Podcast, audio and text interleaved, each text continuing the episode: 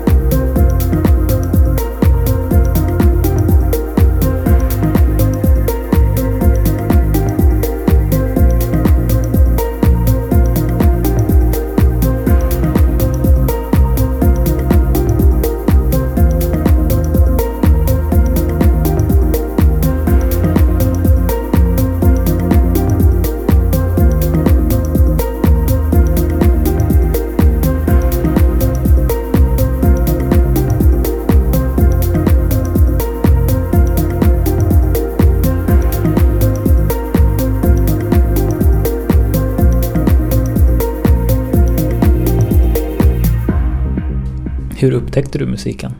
Jag tror nog att det är eh, mycket tack vare min mamma. Hon gillar musik jättemycket. Hon har aldrig hållit på med musik, men hon har hängt i musikkretsar och när jag var liten så eh, jag brukar säga det till mina kompisar att det var liksom när hon eh, spelade upp musik för mig. Hon köpte så Michael Jackson och gillade att lyssna på Diana Ross och typ jazz, ja, soul och funk och sånt så var det som att jag såg henne och blev så här: wow, det här är så himla coolt och såg att hon gillade det. Och jag gillade också det jättemycket. Jag satt som klistrad, kommer jag ihåg, på MTV när den här uh, Michael Jacksons, uh, den från Dangerous-skivan där han springer omkring, den här fotomodellen Naomi Campbell är med där. Remember the time heter den väl? Ja, precis. Den videon, jag kommer ihåg det väldigt tydligt. Jag satt bara och var helt beundrade den verkligen och tyckte det var det coolaste som fanns och musiken.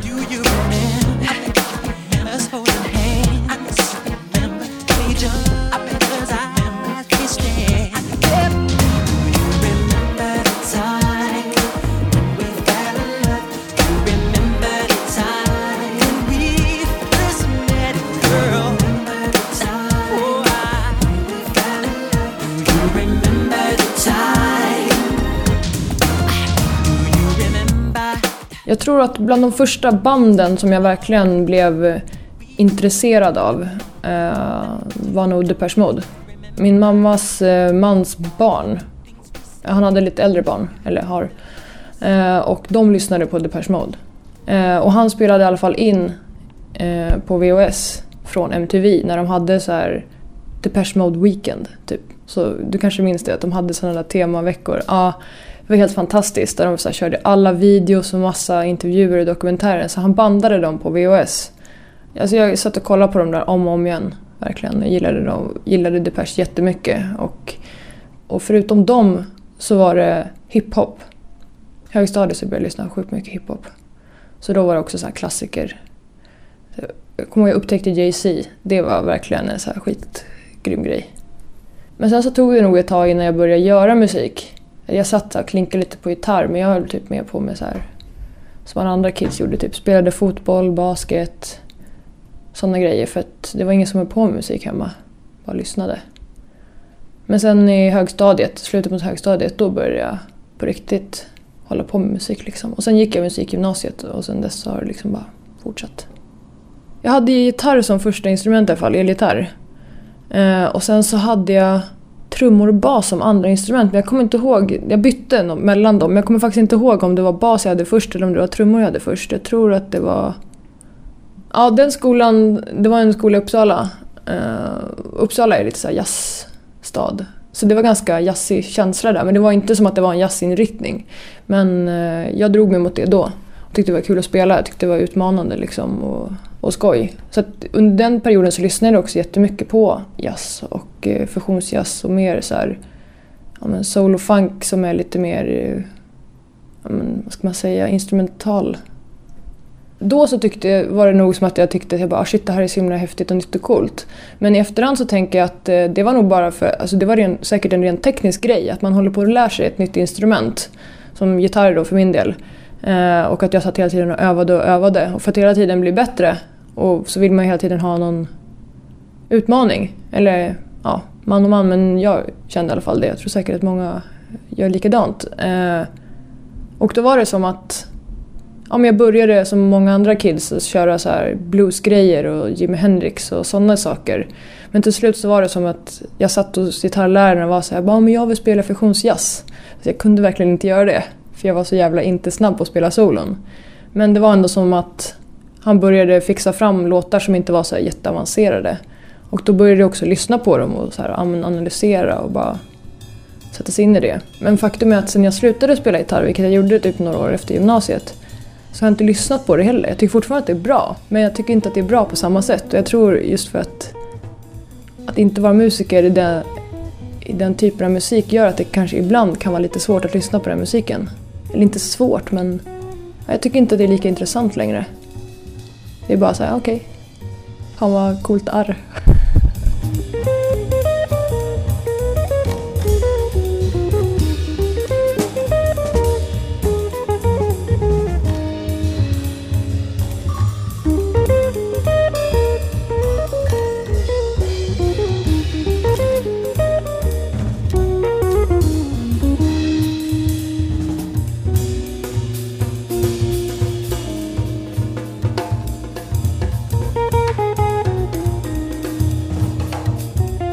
Vad spelade du i för band? Vilken typ av musik? Eh, vi spelade postrock. Sen så var det, det var typ ja, men postrock inspirerat av, av jazz också till en början. Och sen så... Ja, alltså jag tror att våra största förebilder, eller våra ska jag inte säga, mina, jag tror att många säkert i bandet också hade lite liknande. Men det var jag som så här, eh, skrev det mesta av musiken och, och arrade och så. Sen så gjorde vi liksom, spelade allting tillsammans och liksom och sånt. Men jag hade någon, någon slags vision och det var väl en blandning av typ Shellac, Slowdive och typ Mogwai. Alltså de, det var liksom tre band som jag då och fortfarande tycker är asbra verkligen. Så det var från liksom ja, från den scenen, det var väl kanske i det som jag började mer så skapa egen musik.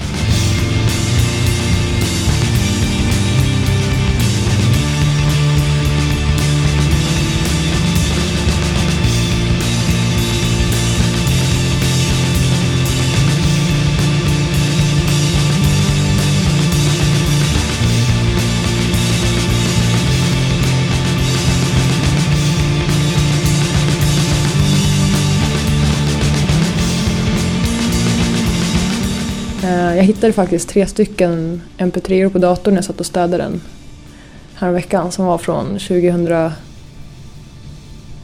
Vad fan var de från? Typ 2005 eller 2006.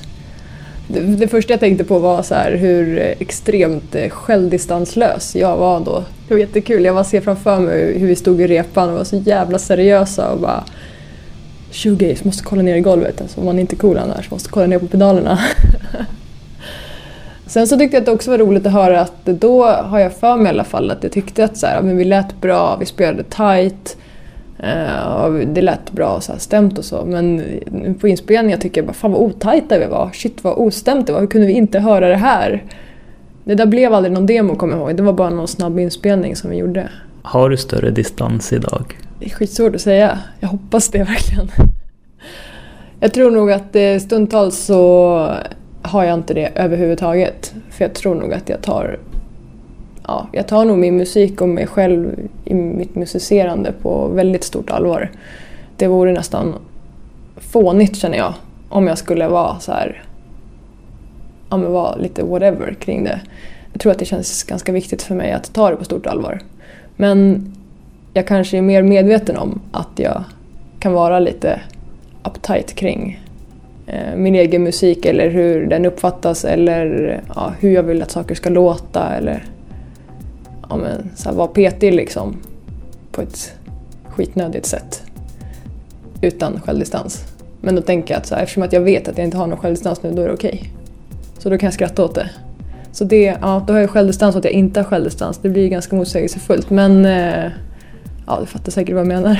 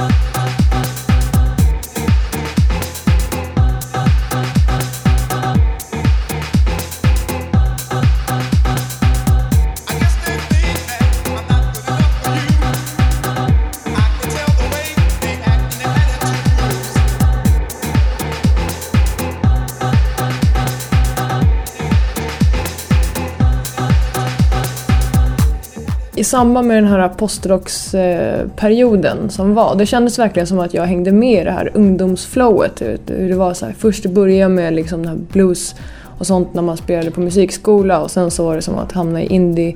Och då var det postrock i början av 2000-talet. Eh, så ja, det tio år sedan liksom. Mer. Eh, och sen Detroit techno och eh, compact. Eh, allt det där så vi var liksom ett gäng som alla höll på och lyssnade på indie och shoegaze och postrock och sen så helt plötsligt var det bara som att jag vet, jag vet faktiskt inte var det var någonstans eller vilken period som det hände men helt plötsligt bara var det som att vi gillade techno. Det kanske var som att vi gick ut någonstans, att det var techno på någon klubb i, på någon nation i Uppsala. Jag var och hälsade på min brorsa på Madeira, kommer jag ihåg. Eh, och det var första gången som jag såg, var på en riktig så här, klubb med en riktig DJ. Och det blev jag väldigt fascinerad av. Men då var jag ganska liten, då var jag typ 16. Då kommer jag ihåg att det var Bob Sinclair. men då var han inte dålig faktiskt. Då var det typ mer så här bra house. Ja, men det var nog verkligen eh, ja, Detroit Technon. Eh, jag tror att det, alltså det känns som att det är ganska närbesläktat till att typ spela i ett indieband typ. Alltså, det finns så himla mycket, känner jag, i den ljudbilden som är väldigt smutsigt, stökigt, eh, lite annorlunda, det finns här konstiga grejer, det finns eh, säkert långa trådar på internet som handlar om så olika regler för hur långa olika saker ska vara, olika partier för att det ska vara riktig Detroit techno. Men det är bara en massa noobs som sitter och skriver om det här. Jag tycker verkligen att så, Detroit techno är den mest varierade stilen. Liksom. Det, och också att det är nog väldigt vanligt att eh, folk spelade in saker live. Folk hade, var ganska limiterade också för det var ju liksom technons eh, begynnelse. Folk hade inte 48 kanaler att kunna spela in på utan det var så här, man körde med sin 8-track ner på band och sen ut i left-right liksom. Eh, väldigt simpelt. Så det Ja, nej, men jag gillar det med ljudbilden liksom. Och sen så gillar jag att det är massa syntar och varma pads och melodier. Eh, nej, men jag tror verkligen att det är just blandningen av hur det går ju inte riktigt att säga så här. Man kan ju ha två stycken Detroit Techno-låtar och sen så är de helt eh, skilda från varandra. Så jag tror att det är det som jag gillar, att just att det finns så extremt mycket skillnader men samtidigt så är det som att allting är ändå är i ett paket. Ett sound. Jag tror för mig så handlar det soundet om att det är så här, man vet inte vad som händer. Det är spännande att lyssna på helt enkelt.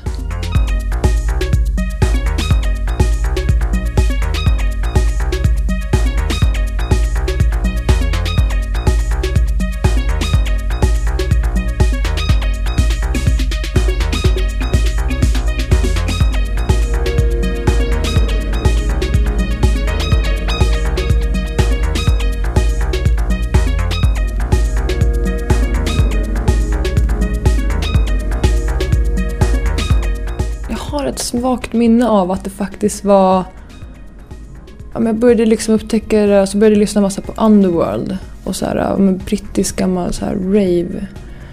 Jag fastnade ganska snabbt för just den här musiken, den elektroniska musiken från 90-talet. Förutom liksom då de här compact-grejerna så var det som att jag på en gång bara drogs mot det som var gammalt.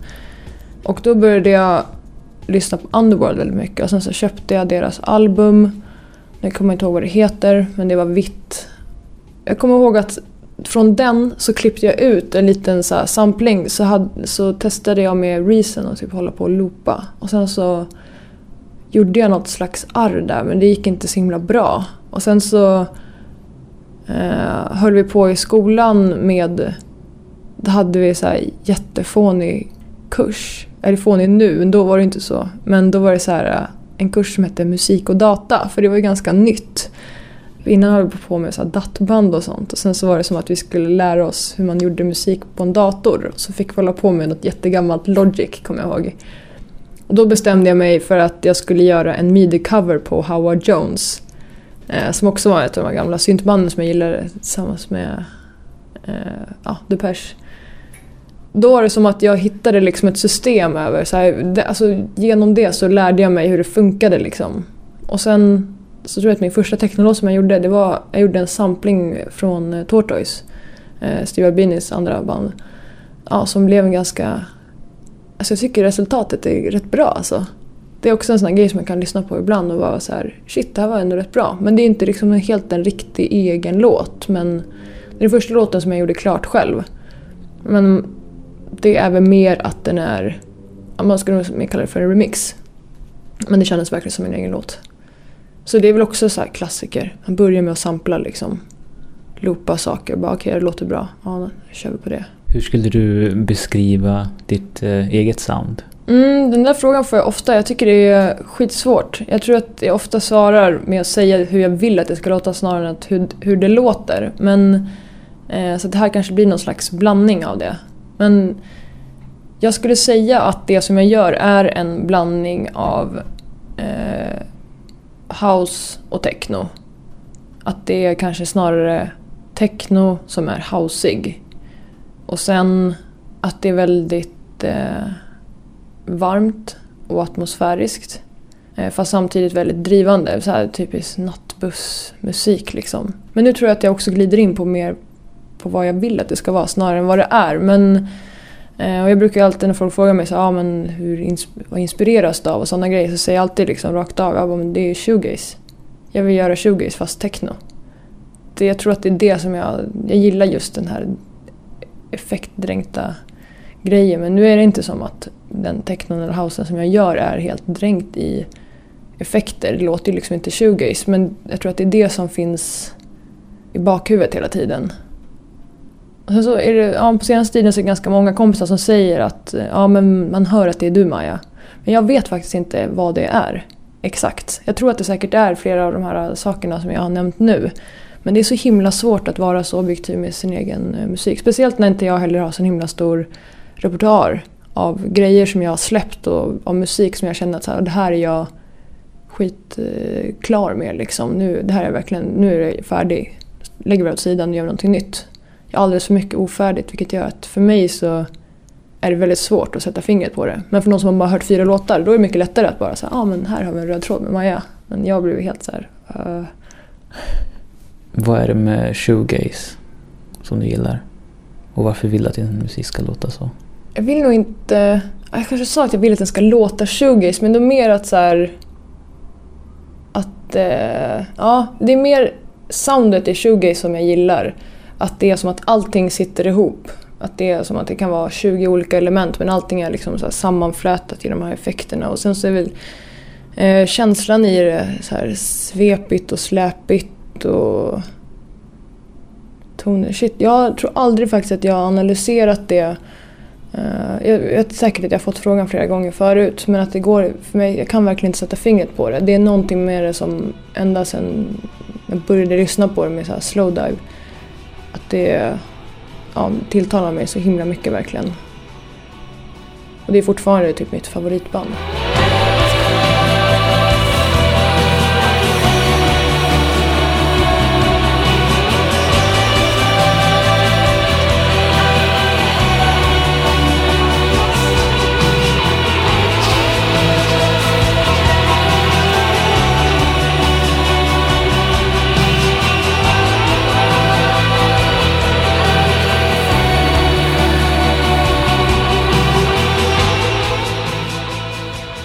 Jag läste i en intervju att du är tunnelbaneförare.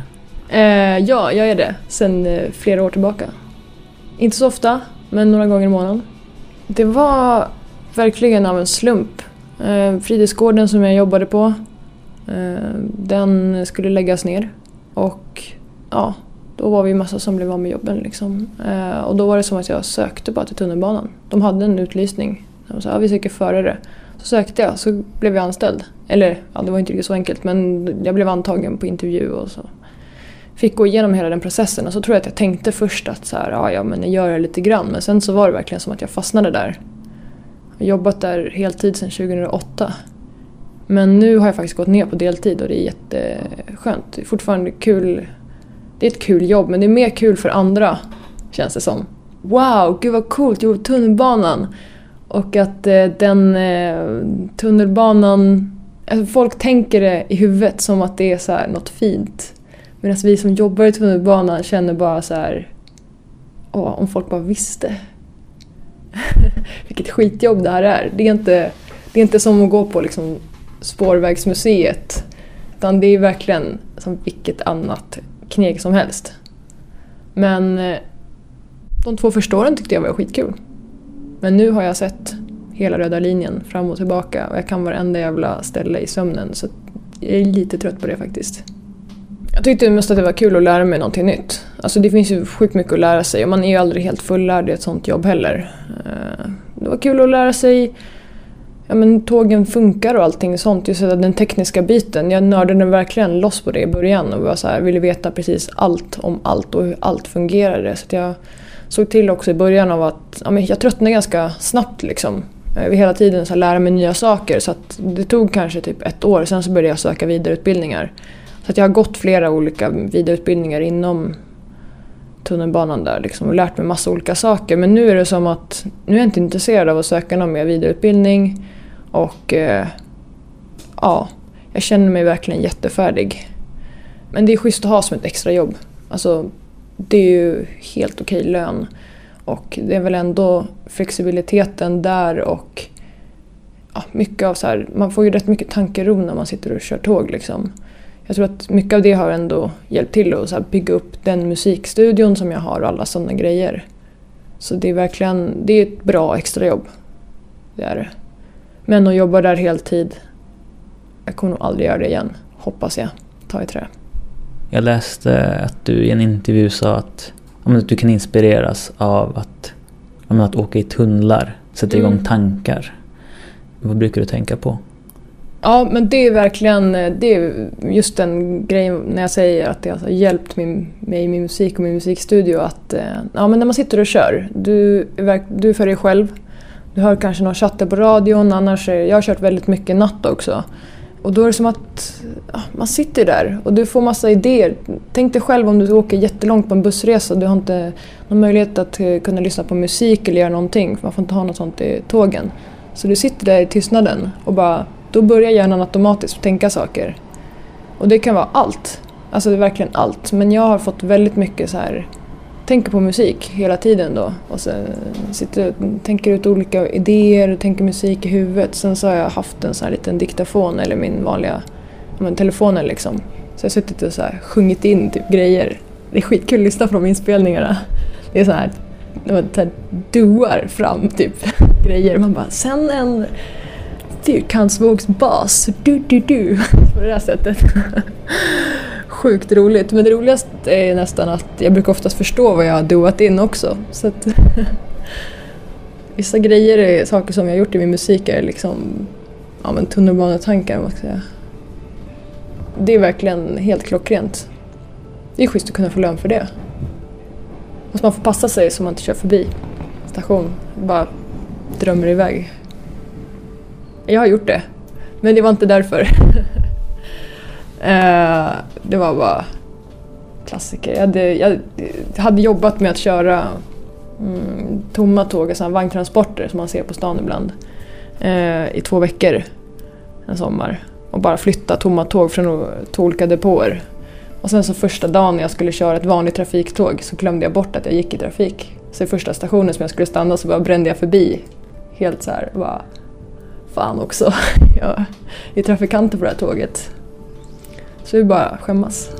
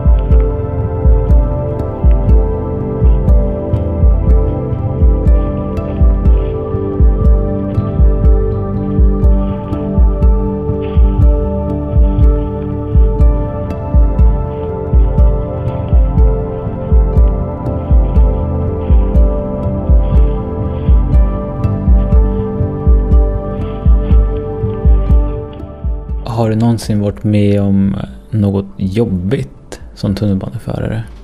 Någon olycka eller någon risk för det? Ja, det har jag. Jättemycket. Eh, ingen så här med någon hemsk dödlig utgång men som förare i nästan sex år så är man ju med om rätt mycket. Och har sett rätt mycket också. Det är rätt, alltså det är ju, tyvärr så är det väl så att eh, om man har ett sånt typ av jobb så även om man kanske inte kan räkna med att man eh, har en riktigt allvarlig personolycka så får man ju tyvärr räkna med att man är med i olika sådana sammanhang. Att man kanske ser det, att man hör det över radion eller vad som helst. Eh, hot på på arbetsplatsen är ju rätt förekommande. Typ folk som är sura för att de typ missar tåget. Kan ibland typ så här slåss. Sådana grejer, jätteknäppt. Jag har varit med om en sån grej på nyår, det var helt bisarrt. Men då var vi två, två förare som tur var. Men det var några killar som bråkade på tåget och sen så, det var, klockan var väl typ så här 20 i 12 på nyårsafton. I, på tåget på väg mot stan i Liljeholmen. Och då, jag kommer inte exakt ihåg hur det var men vi fick i alla fall order om att eh, vi skulle avvakta i Liljeholmen för det var, skulle väl komma polis eller ordningsvakter dit för det här bråket. Eh, och då, Eh, det var en avlösningssituation så att det var jag, som, jag skulle lämna tåget och gå därifrån tror jag och sen så skulle min kollega komma dit och ta över och köra vidare eller så var det tvärtom. Eh, hur som haver så då är det några killar som lackar ur när vi ropar det här i högtalarsystemet i tåget att så, ja, men vi måste stå kvar här. För de menar ju på att eh, det ska vi inte alls göra eftersom att eh, det är ju nyår. Så då kommer de missa tolvslaget in i stan. Eh, Så de börjar försöka slå oss och tänker att så här, ja, men om vi slår på förarna då kör de säkert vidare in till stan. Så jävla clever. Eh, Vi blev jagade tror jag in i hytten först av de här killarna som stod och vevade med armen innanför. Och det var totalt kaos verkligen. Och sen så till slut så fick de upp den här så slog de mig på armen och då kom det några så här stora ordningsvakter och bara lyfte upp dem. Jag gick iväg. Det var helt, helt sjukt. Ja, och sen, jag vet inte riktigt vad som hände sen. Eh, jag tror att min kollega nog körde vidare liksom. Eller så var det som att det här tåget ställdes in. Alltså det var, det var ju helt, situationen var ju bisarr för att vi satt ju och ropade på radion samtidigt och min kollega var Ja, ah, de försöker ta sig in i hytten och slår på oss här. Så jävla idioter. ja. Det är en, verkligen ett yrke där man kan ladda och spara med historier för resten av sitt liv. Det är ju rätt kul faktiskt. I efterhand. Eh, Jag läste också att du, på frågan vad du inspireras av, att du inspireras av maskiner. Mm. Vad för slags maskiner? Jag har sjukt svårt att göra musik på en dator. Eh, så att jag inspireras verkligen av maskiner på så sätt att jag inspireras av... När jag köpte typ min 909 så var det helt plötsligt som att jag kunde göra så tre låtar på raken. För att den kan jag...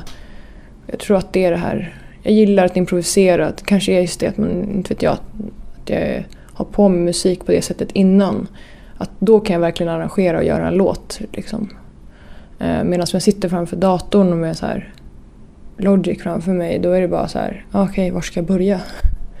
Det går liksom inte, det finns för mycket i en dator. Så att maskiner och den limiteringen som det innebär att ha en maskin som bara har ett visst antal kanaler, funktioner, allt, ja, allt sånt. Det är sjukt inspirerande. Se om man kan göra det liksom. Men sen så tror jag säkert också i det där svaret att jag säkert syftade på bara allmänt typ maskiner för jag tycker om teknik liksom. Och det är coolt. Coolt med ett kugghjul typ. Vilka, vilka maskiner tycker du är coola eller inspirerande? Senast igår så snackade jag med en kompis om att eh, jag är så sjukt fascinerad av eh, lyftkranar. Det är verkligen en cool maskin. Men det är nog ingen maskin som jag tänker på så här, åh jag är så himla inspirerad av den lyftkranen. Men det är, nog, det är en cool konstruktion. Men jag tror aldrig att det är att det finns några speciella maskiner som jag inspireras av så. Utan det är mer om jag upptäcker att den här maskinen kan jag använda på något sätt. Vare sig den är musikalisk eller om det är fan vet jag, någon så här skitavancerad vinöppnare. Det är då det, då, då det blir någonting. Liksom. Så det är inte kanske det visuella egentligen. Utan det är snarare funktionen av någonting. Så tekniska lösningar sjukt inspirerande. Vart kommer det här intresset för teknologi eller maskiner ifrån? Hur länge har du haft det intresset? Jag har ingen aning faktiskt. Jag har verkligen, alltså jag har varit intresserad av det ända sedan jag var liten. Jätteliten. Och det, min morsa är verkligen inte tekniskt lagd överhuvudtaget. Och jag vet inte vart det kommer ifrån. Det var bara som att jag började liksom också som ljudteknik med stereon, sitta och leka med de där grejerna och skruvade isär saker och byggde ihop igen och byggde nya saker och satt och var så här, var helt, jag tyckte det var skitkul, byggde asmycket med lego hela tiden. Och, ja, jag vet, gud, jag vet verkligen inte vart jag fått den inspirationen ifrån. Det finns liksom ingen som riktigt har lärt mig. Ja. Självlärd kanske.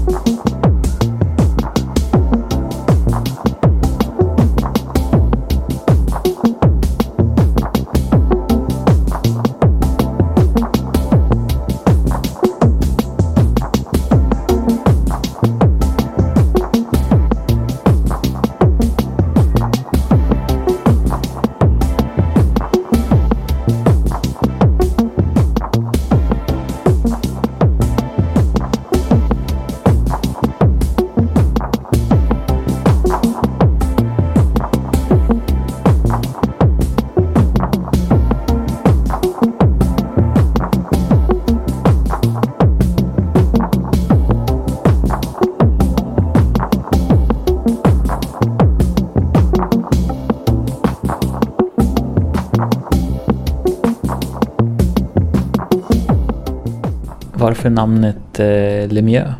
Mm, det är väldigt roligt. Det är, det är efter eh, hockeyspelaren Mario Lemieux.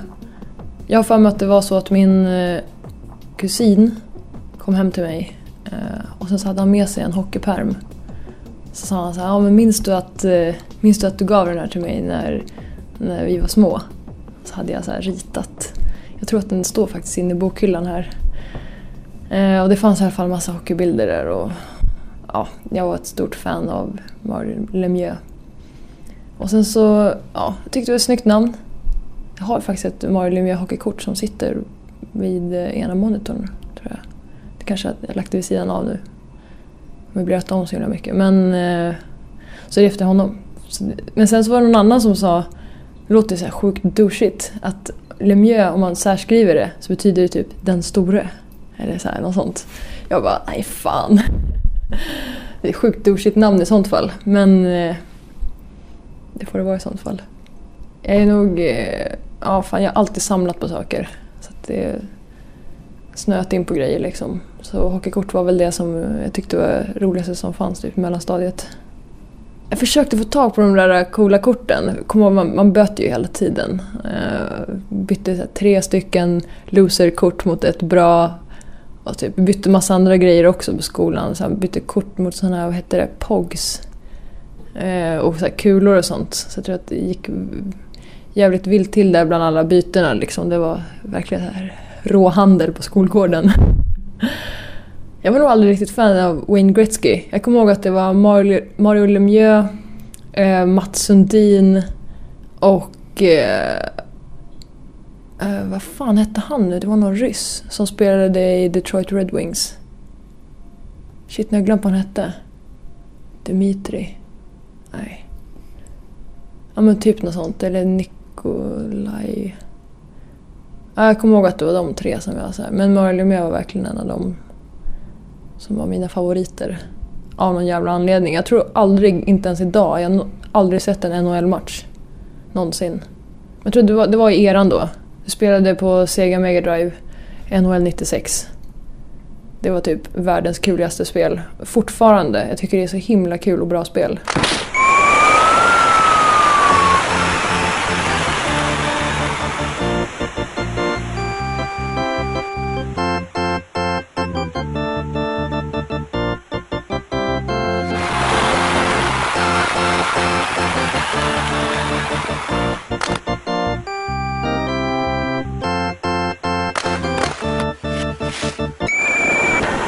Förutom eh, hockeykort och kulor, vad, vad mer har du samlat på? jag har samlat på kapsyler. Eh, samlat på ja, tennsoldater. Eh, jag hade en period när jag göt extremt mycket tennsoldater och målade dem och typ så här sålde dem eh, på torg i Uppsala. Jag tror att samla grejen hänger ihop med att jag tycker det är kul att sortera saker. Så det var mycket sånt. Eh, sam, när jag plockade isär mycket elektronikgrejer så var jag så här, jag kanske inte byggde så mycket av allt men jag älskade att typ bygga askar och sen så sortera upp alla de här olika delarna i askar. Och sen samlade jag på lego. Fruktansvärt mycket lego. Alltså mycket lego. Hela källaren i det här, min lägenhet. Alltså det är säkert fyra flyttkartonger med bara lego där. Det är så fruktansvärt mycket lego verkligen. Jag kan inte göra mig av med det det går liksom inte. Allt det andra har jag verkligen kunnat så släppa men legot det, går inte. Jag har faktiskt en legogubbe tatuerad på kroppen. Det är helt crazy. Du växlar mellan att döpa vissa låtar eller remixes under Lemieux och under ditt riktiga namn, då, mm. Maja Lorenzo. Hur väljer du när du växlar mellan det ena eller det andra? Representerar de olika stilar eller känslolägen? Ja, jag tror att det är så. Jag brukar säga när jag DJar så är det rätt enkelt. Då brukar jag, att när jag spelar mer, vad ska man säga, artistiskt, eh, spelar live och sånt, då spelar jag alltid under Lemieux. Eh, och om jag DJar mer så här, mm, ja, klubb, techno-set, eh, techno Eh, Eh, så är det oftast mer Lemieux som jag använder. Men Maja Lorenzo kan jag också använda i sådana sammanhang men jag tror att jag använder Maja Lorenzo mer när det är som att det är barspelningar, när jag kör mer houseigt, eh, när jag kör lite mer dubbigt, lite så här, vad ska man säga, lite mer... Um, fan, hur ska man förklara det egentligen? Ja, men när, jag, när det bara är så här, ja men Maja DJar lite när det är så. Sen som inte betyder att den spelningen är mindre viktig än en Lemieux-spelning. Men jag tror att Lemieux är snarare ett koncept. Och allting som inte passar in i det konceptet.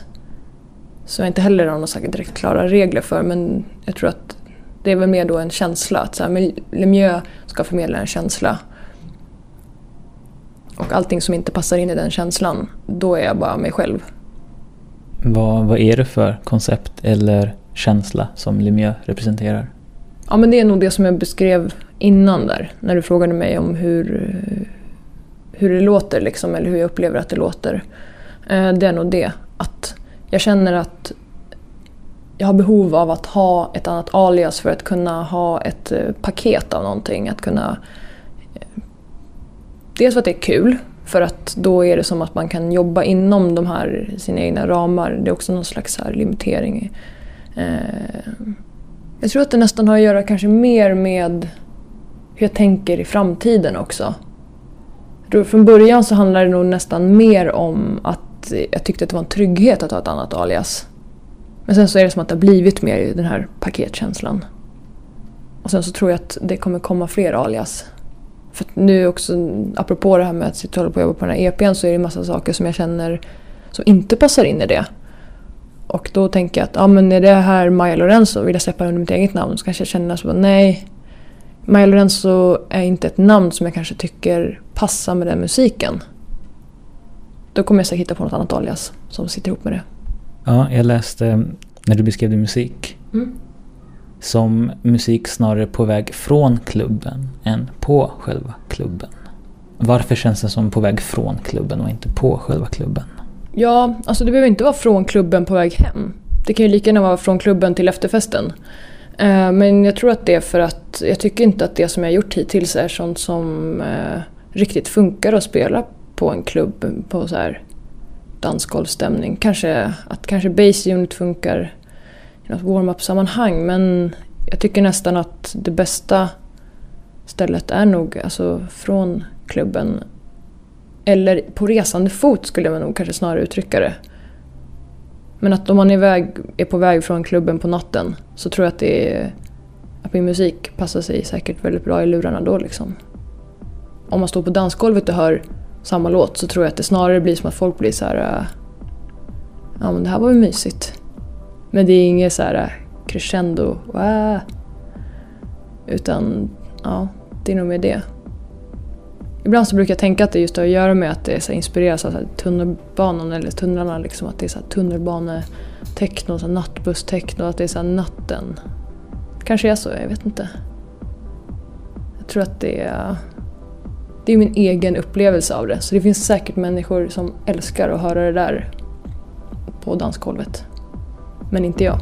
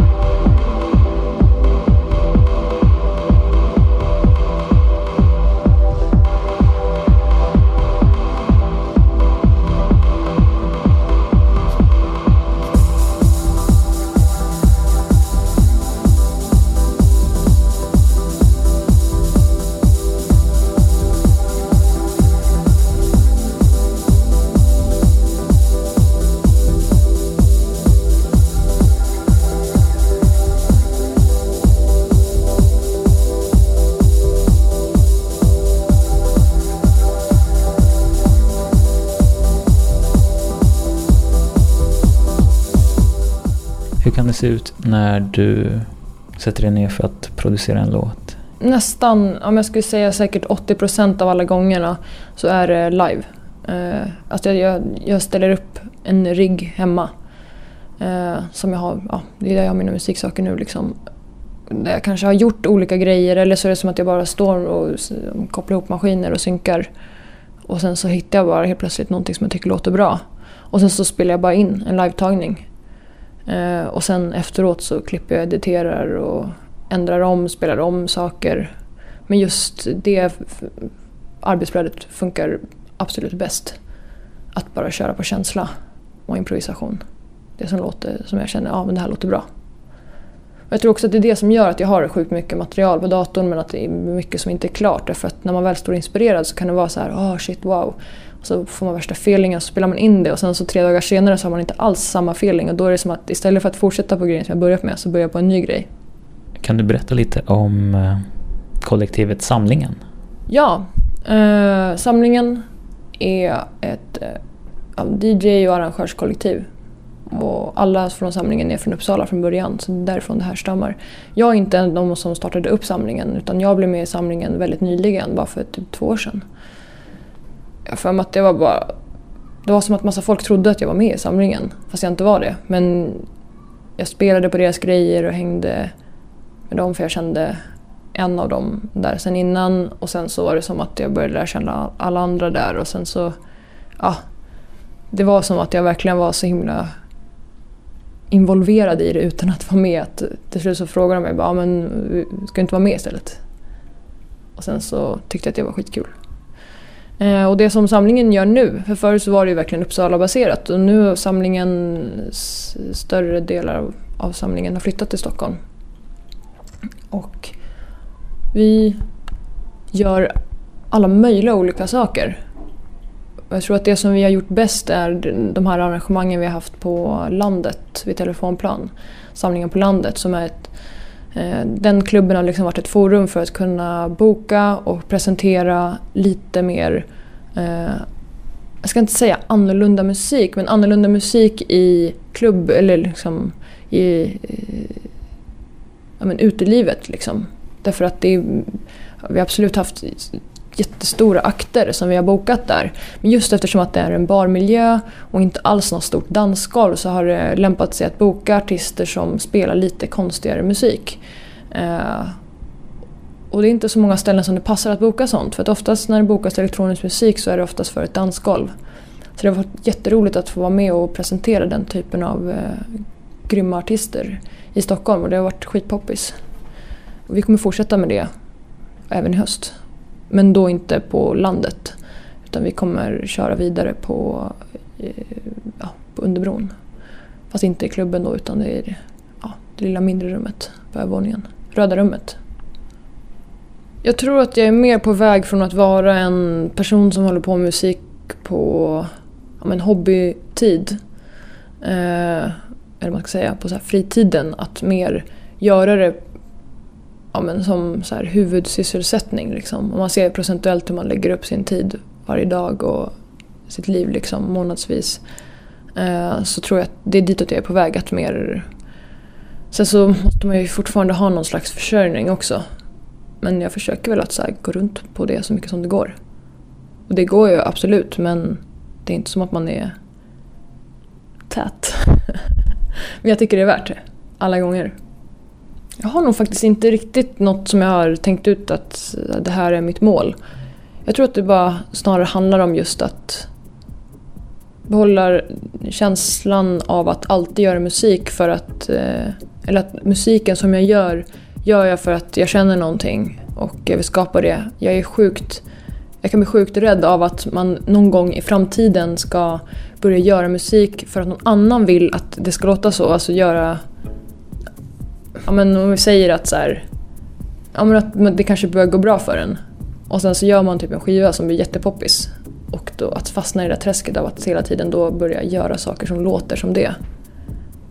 Så att jag tror att det hela tiden, målet är väl bara att så här hela tiden försöka hålla det jordnära, göra det som man känner för och inspireras av för stunden.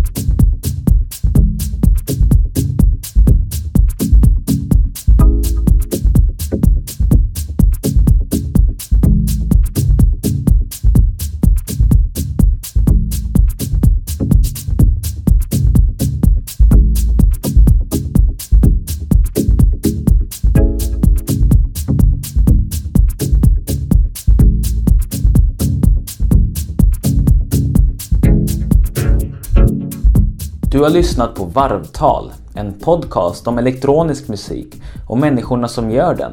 Med mig, Simon Bustamante och detta avsnitts gäst Maja Lorenzo, a.k.a. Limieux. Lajka gärna och skriv något om vad du tyckte på Facebook-sidan. Eller så kan du mejla mig på simon.varvtal.se eller nå mig på Instagram och Twitter om du söker på Meskalinisten. Ha det fint!